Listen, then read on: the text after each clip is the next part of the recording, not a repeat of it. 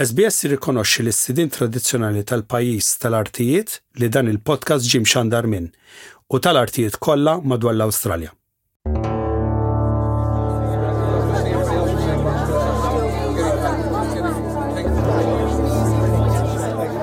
Kellha tkun laqgħa żgħira tal-familja hekk kif Paul u Kate dew jiggustaw lit-tifel Daniel jieħu l-ewwel passi tiegħu.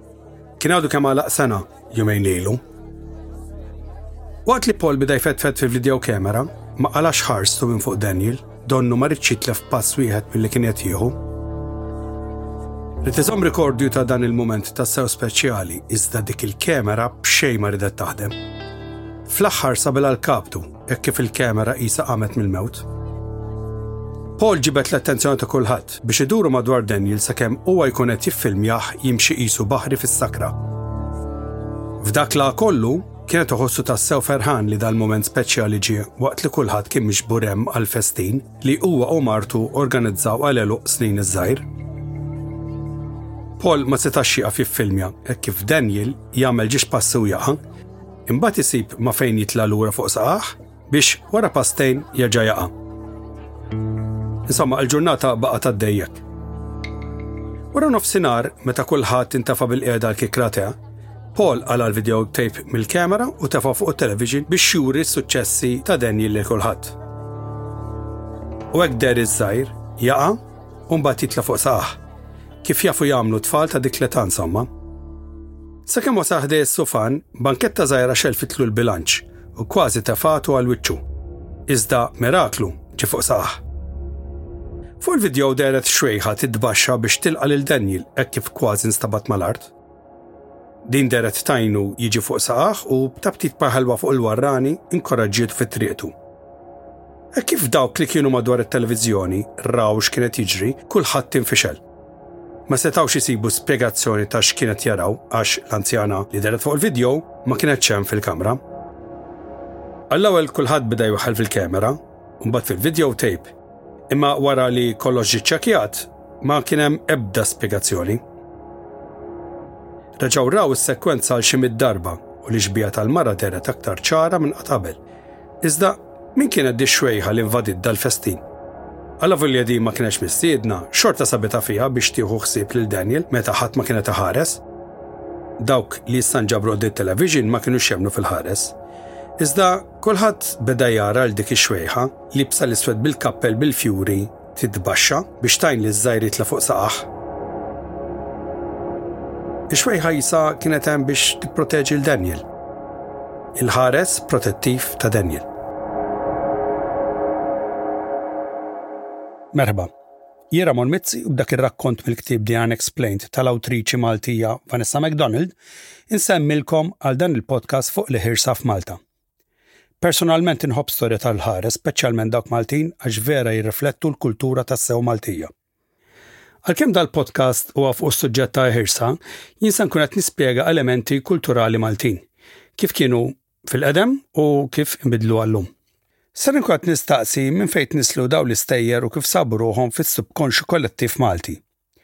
Il-mistednin tiegħi ser jgħinuni nispjega dan permezz ta' esperjenzi, studji jew kitba li dawn qanqlu. Iżda meta dan is-suġġett jasal għal punt fej persuna jemminx jew le, ser inżomm dal-podcast suġġettiv biex jekk xi ħadd ma jemminx fil-paranormal, dan jew din tkun xorta tista' ssib l-episodji informattivi u divertenti.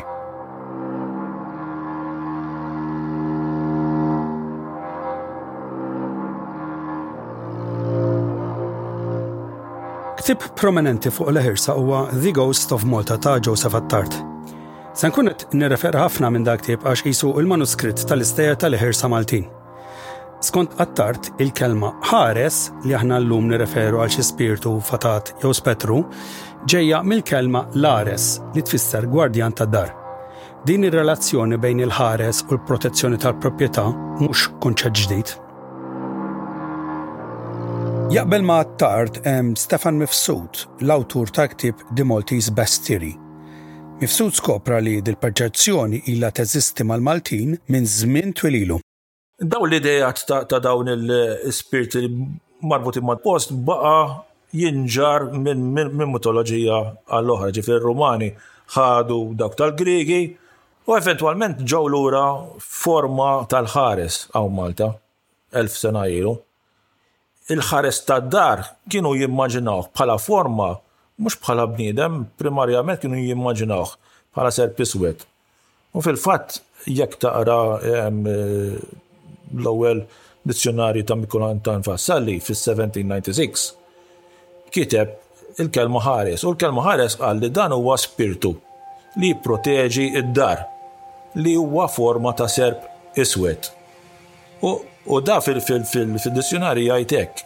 Kien hemm mara li eh, qatlet serp iswed li kien fir-raff u tax tant tiddispjaċija bit-tikpi u raġuni bit-tikpi tant iddispjaċuta li it-twemmin tagħha, għax kienu hekk qalulha l-antiki tagħha, ġifieri qed nitkellmu 500 sena qabel, kienu jemnu li, li dak peress li huwa l-ħares tad-dar, jekk toqtlu qed tikkawża li jkollok sfortuna kbira. U għalhekk dit tikpidi għax di ħasbet li ħajġri la xi traġedji għax hekk kienu jemnu. Ġifieri l-istorja tal-ħares hija twila u vasta. Dottor John Vella, studjuż tal-paranormali u kuratur ta' Birmula Heritage, jaqbel ma' dan. Il-Malti jħobb jgħid lil kull spirtu kważi ħares. Isim il-kelma ħares tfisser xi ħadd li qed jieħu ħsiebek. Sewwa, allura rridu inqisu anke napprezzaw il-fatt li dawn l-ispirti Ħafna drabi jkun qegħdin jieħdu ħsiebek, qed jieħdu ħsieb id-dar tiegħek, qed jieħdu ħsieb il-familjari tiegħek, speċi hemmhekk m'hemmx biża'. L-ar huwa fejn jkollok spirti li dawk li sejħulhom huma eh, ħażina, speċi. Dawn huma eh, spirti li jagħmlu lek ħafna ħsara. Iżda Vanessa McDonald, kittiba fuq da suġġett, tiddistingwi d-differenzi ta' xtib ta' protezzjoni ħares jista' jagħti. Mela, l-ewwel net hemm il-kapitli u hemm kapitli ġifieri fej m'għandhom xejn x'jaqsmu ma' djar l-istejjer. Iktar għandu x'jaqsmu man nies, ġifieri rather than your house guardian ikun il-angel guardian kważi. Li jkollok mara xieħa, eh, tkun se taqa u taqbdek, jew eh, tkun se tmut bil-ġuħ fil-gwerra u ssib Ħobż, ħobż, ħiereġ għadu sħun min-nar, kif jista' jkun fil-gwerra, meta kienu kien hemm kjujiet kbar, ġifieri biex isib xi ħaġa x'tiekol. Ehm, ġifieri mhux dejjem eh, kollhom xaqsumhom djar u iktar u iktar mhux dejjem djar antiki. U naħseb li hawnhekk forsi nista' ngħid xi ħaġa fuq il-films għax Meta naraw xi ħaġa ta' ghost stories, kważi dejjem horror stories. Kemm taf films fej kien hemm xi ħadd li kien il-house guardian jieħu ħsiebek jew jieħu ħsieb id-dar. Ħafna darbi jkunu jew il-portegeist jipprova eh, xi ħadd li jrid jagħmilek xi ħaġa ħażina, kollok dar, ehm, ila abbondonata xi xi 20 sena u dejjem ikun hemm xi tempesta għaddejja mingħajr dawl u Fil-fatt, Laqqas storja waħda għandi minn daw il-50 li għandi f'tal ktib. Issa jista' jkun għax ma sibtomx in-nies. Malta kellna daw il-twemmin ġifieri li kull post għandu l-ħares tiegħu. U l-ħares tad-dar ma kienx ruħ ta' bniedem mejjet, kien spirtu li jokkupa dak il-post U jħarsu, għalhekk il-kelma ħar, iħares xi tfisser? Ħares ġejja mill-Għarbi li tfisser gwardjan. Bħalma ikollok xi ħadd fil-gate qed jieħu ħsieb il-post li jista' jkun dar jew dar imwaqqgħa, jista' jkun anke kien hemm ħares tal-għajn, pereżempju, ħares tal-għajn mhux għajn għajnejn li tara bihom, għajn għajn jiġifieri Tnixxija tal-ilma, Minn fejn joħroġ l-ilma? Kull tnixxija tal-ilma kellha l-ħares tagħha. Kemm il-ħares tal-bir, kull bir peress li fih l-ilma hu xi ħaġa prezzjuża, għax il-ħares x'jagħmel? Il-ħares huwa gwardjan, irid jipproteġi xi ħaġa. L-ilma hija xi ħaġa prezzjuża kienet fl-antik, speċjalment hawn Malta ma kellniex ħafna ilma. M'hemmx għalfejn ngħid li Malta tiftaħar b'firxa ta' bini storiku. u m'hemmx bini aktar imponenti mill-Forti Sant'Anġlu. F'dan il-forti li kien tant importanti fl-istorja ta' Malta, hemm memuża storja ta' mara gwardjana, magħrufa bħala s-Sinjura l-Griża. Jingħad li kienet tidher l-aktar meta il-forti kien meqjus bħala kwartier importanti u strateġiku speċjalment fiż-żmien tal-Imperu Ingliż. 1942, Fort St. Angelo kienet qed tintuża bħala sptar u f'ħin minnhom 1942 raw dil-mara libsa abjad eh, ħdej waħda mit-twiqi u l-infermiera kollha qed iħares leha u qed jgħidu ara madonna kollha qed jara l-Islam, kollha qed jara kollha dik il-Madonna, dik il-Madonna x'inhi. U fl-aħħar bdiet Esa bideja turihom li jridu joħorġu minn dik is-sala. Min seta' jimxi mar bil-mixi, min kellu bżonn stretcher ħar li stretcher u kulħadd ħareġ minn hemm. Wara ftit minuti waqgħet bomba fuq dik il-kamra. Kieku kienu hemm ġew, kieku kulħadd kien probabbilment jew imut jew kważi imut. Matthew Balzan Fil-kapaċità tiegħu ta' kuratur prinċipali mal-Heritage Malta, daħal fil-fond ta' din l-istorja. Kien hemm ħafna Baħrin li anke ex Baħrin fir-Royal Navy li anke intervistajthom fuq dan is-suġġett li jaħilfulek li raw lil din is-sinjura l-griża għalkemm Ikolli ngħid illi ħadd ma kien f'sensih mija fil-mija għax normalment wara xi ħarġa tajba u xi xarba birra kienu jgħidu illi jarawha. Ehm, però jien għad hemm storja fi żmien il-gwerra illi kombinazzjoni fl-istess kamra li qegħdin issa fiha. Din il-kamra kienet użata bħala mess tal-baħrin u kien hawn sitt baħrin Waqt ġurnata matul il-gwerra. U dawn raw il-Grey Lady għaddejja minn barra. U flok beżgħu iddeċidew li jsegwuha eżatt xejn ħarġu mill-bieb jingħad li waqgħet bomba u kissret il-kamra, fil-fatt nafu li din il-kamra waqgħet vera fil-gwerra. U allura eh, beda jingħad li din deritilhom biex teħlishom minn mewt minn mewt żgura. Apparti minn hekk kien hemm ħafna mbagħad eh, membri tar-Royal Navy ta' ta' ċerta kariga illi ukoll jgħidu illi illi rawa fil-fatt ehm, jissemma illi kien hemm diversi nisa eh, li kienu n-nisa tal-kaptani, il-kaptan ta' HMS St. Angelo kien joqgħod hawnhekk, illi kienu jaraw xi manifestazzjonijiet fil-fatt fosthom jingħad illi Waħda minn dawn in-nisa partikolari kienet anka organizzat xi quddiesa bħala sufraġju għal ruħ din is-sinjura l-Griża u jingħad li wara dik il-quddiesa ma baqgħetx tidher. Fil-fatt, jien inni 11 sena qatt ma rajta. Ehm, u ma tantx dal-aħħar 40-50 sena qatt ma smajt bnies illi jgħidu illi jgħidu illi illi rawa. Imma jingħad illi fil-bidu ta' snin 60 Kienet isir ħafna ristrutturar u vera kienet isir xi ristrutturar fil-forti ta' ċerta portata u jingħad li wara ħajt fil-palazz tal-forti t jinsab fin-naħa ta' fuq kienu nstabu tliet skeletri, tnej irġiel u wieħed ta' mara u hemmhekk jgħidu daw kienu s-soldati u l-Sinjura l-Griża u hemmhekk jgħidu illi sabu dawn il-fdalijiet ta' din libsa griża li jenat li kienet libsa. Allura nistaqsu min kienet dis-Sinjura Griża? L-istorja tas-Sinjura Griża hija waħda mill-aktar stejjer paranormali famużi f'Malta. Eh, tmur lura skont l-istorja għal żmien il-Medjuevu għalkemm tajjeb ngħid illi bħala storja bdiet tirranka bdiet tieħu ċerta popolarità fi żmien l-Ingliżi ġifieri fl-aħħar mit-sena. Din l-istorja tgħid li fil-Medjuevu meta il-Forti Sant'Anġlu kien taħt idejn dak li kien jissejjaħ il-Kastellan li kien rappreżentant tar-Re ta' Spanja jew il-Viċi-Re ta' Sqallija kien joqgħod hawnhekk mal-familja tiegħu imma dan kellu wkoll ħabiba. U jingħad illi dil-ħabiba biż-żmien dit tiddejjaq illi qed ikollha toqgħod fin-nofs bejn il-Kastellan u martu bdiet isa tħeġġu biex jitlaq lil mara jibda jiex magħha eċetera. Ovvjament dak iż-żmien xi ħaġa bħal din ma kienx tkun aċċettabbli fis-soċjetà u dan tant iddejja illi ordna żewġ soldati minn tiegħu biex joqtluha. Dawn qatluha, eh, però mbagħad induna li malli qatluha għandu żewġ min-nies li jafu bil-pjan tiegħu. Allura mar u qatel lilhom ukoll. Ġifieri dan spiċċa bi tliet katavri u l-istorja tgħid li difinhom wara ħajt f'xi kamra fin-naħa ta' fuq tal-fortizza. U L-istorja jisimha s-Sinjura l-Griża għaliex jingħad illi kienet liebsa libsa medjevali Griża, u allura s-Sinjura l-Griża.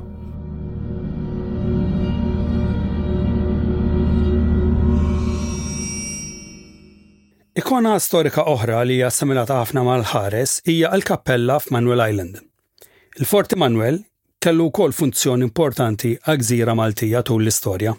Mela l-Forti Manwel hija waħda mill-aħħar fortifikazzjonijiet li bnew li bnew il-Kavalieri ta' San Ġwann, inbniet mm, fl-ewwel nofs tas-seklu 18, bdiet tinbena fl-1723 u ġiet deskritta anke f'dak iż-żmien stess bħala l-aqwa eżempju ta' fortifikazzjoni barokka f'Malta, però qatt ma ntużat f'xi battalji kbar, ġifiri ma kienitx hawn fl-assedju kbir pereżempju, intużat matul l-imblok tal-Franċiżi, matul l-invażjoni Franċiża, fil-fatt kienet irreżistiet xi attakki mill-Franċiżi ma mbagħad kellha ċċedi bħal pija ta' Malta. U fit-tieni gwerra dinjija, apparti li kellha diversi, ovvjament sa dak iż-żmien għaddiet fidejn il-militar Ingliż, apparti li kellha diversi kanuni li kienu qed jgħinu fid-diviża tal-ajru, Intu bdiet tintuża wkoll bħala submarine base. Fil-fatt l-ewwel kien jisimha HMS Talbot, prattikament kien għal dak iż-żmien kienu jużaw il-Lazzarett, l-isptar tal-kwarantina li hemm eżatt ma' ġemba, imma fl-1943 ittieħdet kompletament minn Navy Ingliża u semmiet HMS Fenisha.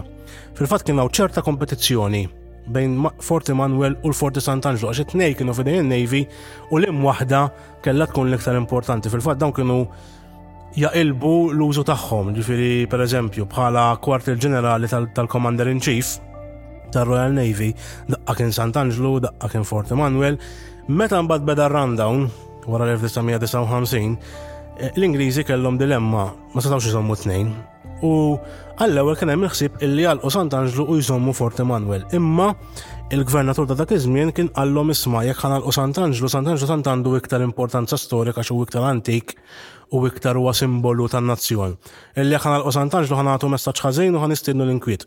U fil-fatt fl-1965 għalqet eh, il-Fort Emanuel, ġifiri ġiet abbandonata mill-militar u minn flok inżamm HMS St. Angelo li kifet baqa sal-1979.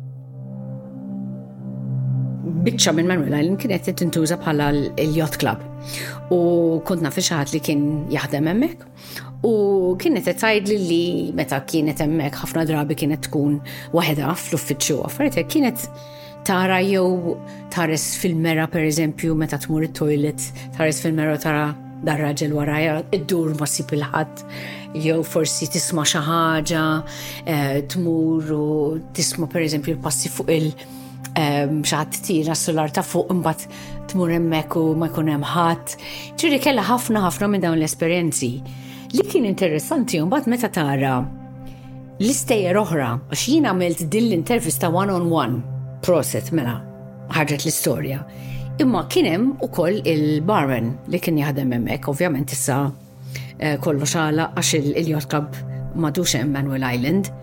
U l-istess ħarġa ġifiri, il-barman kien irrakonta li fil-axija dejjem fl-istess post f'siġġu fil-kantuniera fej kien hemm ir-restaurant dak iż-żmien kien jara xi ħadd bil-qeda. U darba kien speċi għal dejjem kien jirrakkontaw l ministri kienu hemmhekk qed jixorbu u darba qabad biċċa karta u beda jħażżes u affaritek U xi ħadd jenħadd il-biċċa karta mar il-palazz eh, ta' Gramastri il-Belt u kien ra pittura li kellha x'taqsam għad il-ġismu kien għadmen. Grand Master Vilena, il-Grand Master li kien bena Manuel Island. Allora tibda tajt, wow, jista' jkun U fħin minnhom waħda mill-istejjer li xi ħadd kien daħal il-yacht club ma' missieru, missieru kien kien darba kien ex Malta xi 50 sena qabel u qal li kienu qed jagħmlu xi xogħol u l-istess ħaġa beda jidher dal-Kavalier Swet. U wara ftit ġifiri kienu marru biex jaraw, you know, xat marrit jaħdem emmek, u min jibza minnek, u min jibza jinżel, u u għaffaritek.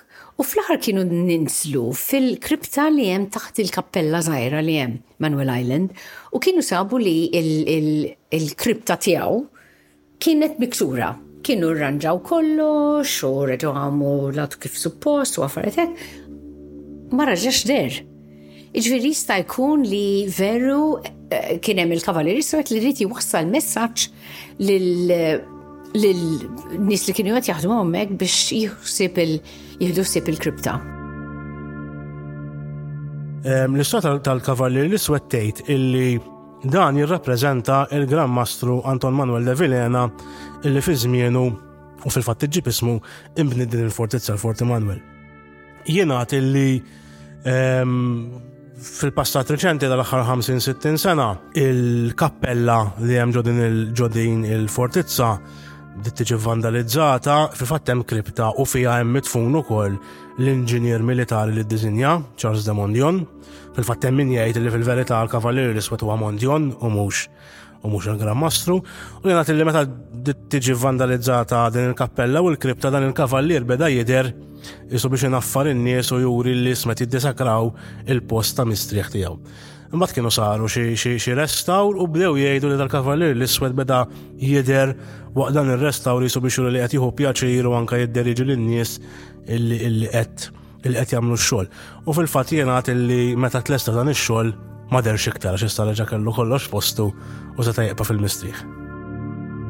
Din l-istess ġifi l-istorja leġġenda illi bdiet f'dawn l-aħħar mit-sena u għamek ħan għamel ħan iprofa ngħid għal xiex naħseb illi dawn l-istejjer kollha bdew f'dawn l-aħħar mit-sena. Dawn kienu kollha postijiet militari ta' importanza kbira speċjalment hawnhekk Sant'Anġlu u l-Fort Emanuel, u naħseb illi labet loba kbira eh, is-servizzi Ingliżi infushom illi kienu jħeġġu dawn l-istejjer biex kemm jista' jkun in-nies iżommu l-bot minnhom. Storja ma tistax tajx jekk ma jkollix il-kuntest soċjali, iżda ma tistax tajx lanqas mingħajr il-perċezzjoni. Staqsejt lil Dr. John Vella għaliex jemmen fl-ħirsa. Eh, jina nemmen għax ħaneftemwek rajt jena stess Eh, mhijiex xi ħaġa ħanedu hekk li issir temmen għax taqra jew għax eh, tfejna fin tara films jew affetek. Meta inti tgħaddi mill-esperjenza inti stess, naħseb dik hija il-prova li jkollok bil-fors kważi temmen.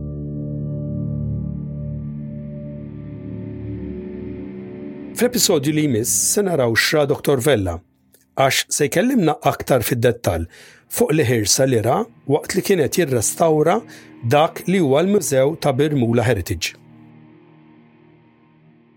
Nispera li dan il-podcast kien sors ta' informazzjoni u forsi ta' nostalġija għal xi ftit li ilkom ma tmorru Malta. Spera li tkunu tistgħu tinaqdu miegħi l-ġimgħa għal episodju li jmiss. Inħeġġiġkom biex taqsmu dal-episodju fuq siti soċjali tagħkom biex l-istejjer li ġibilkom l-SBS bil-Malti ikunu mxerda mal-komunità tagħna Maltija. Nsemilkom.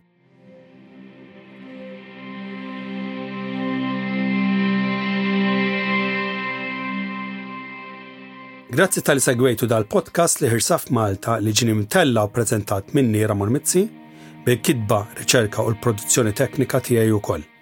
Nixtieq nirringrazzja lill-mistednin li ħadu sehem f'dal-episodju, Stefan Mifsud, Dr. John Vella, Vanessa McDonald u Matthew Balzan. Nirringrazzja lill-kollegi tal-SBS għall-għajnuna li ġejt moti minn Joel Sapil, Caroline Gates u Joe Washa.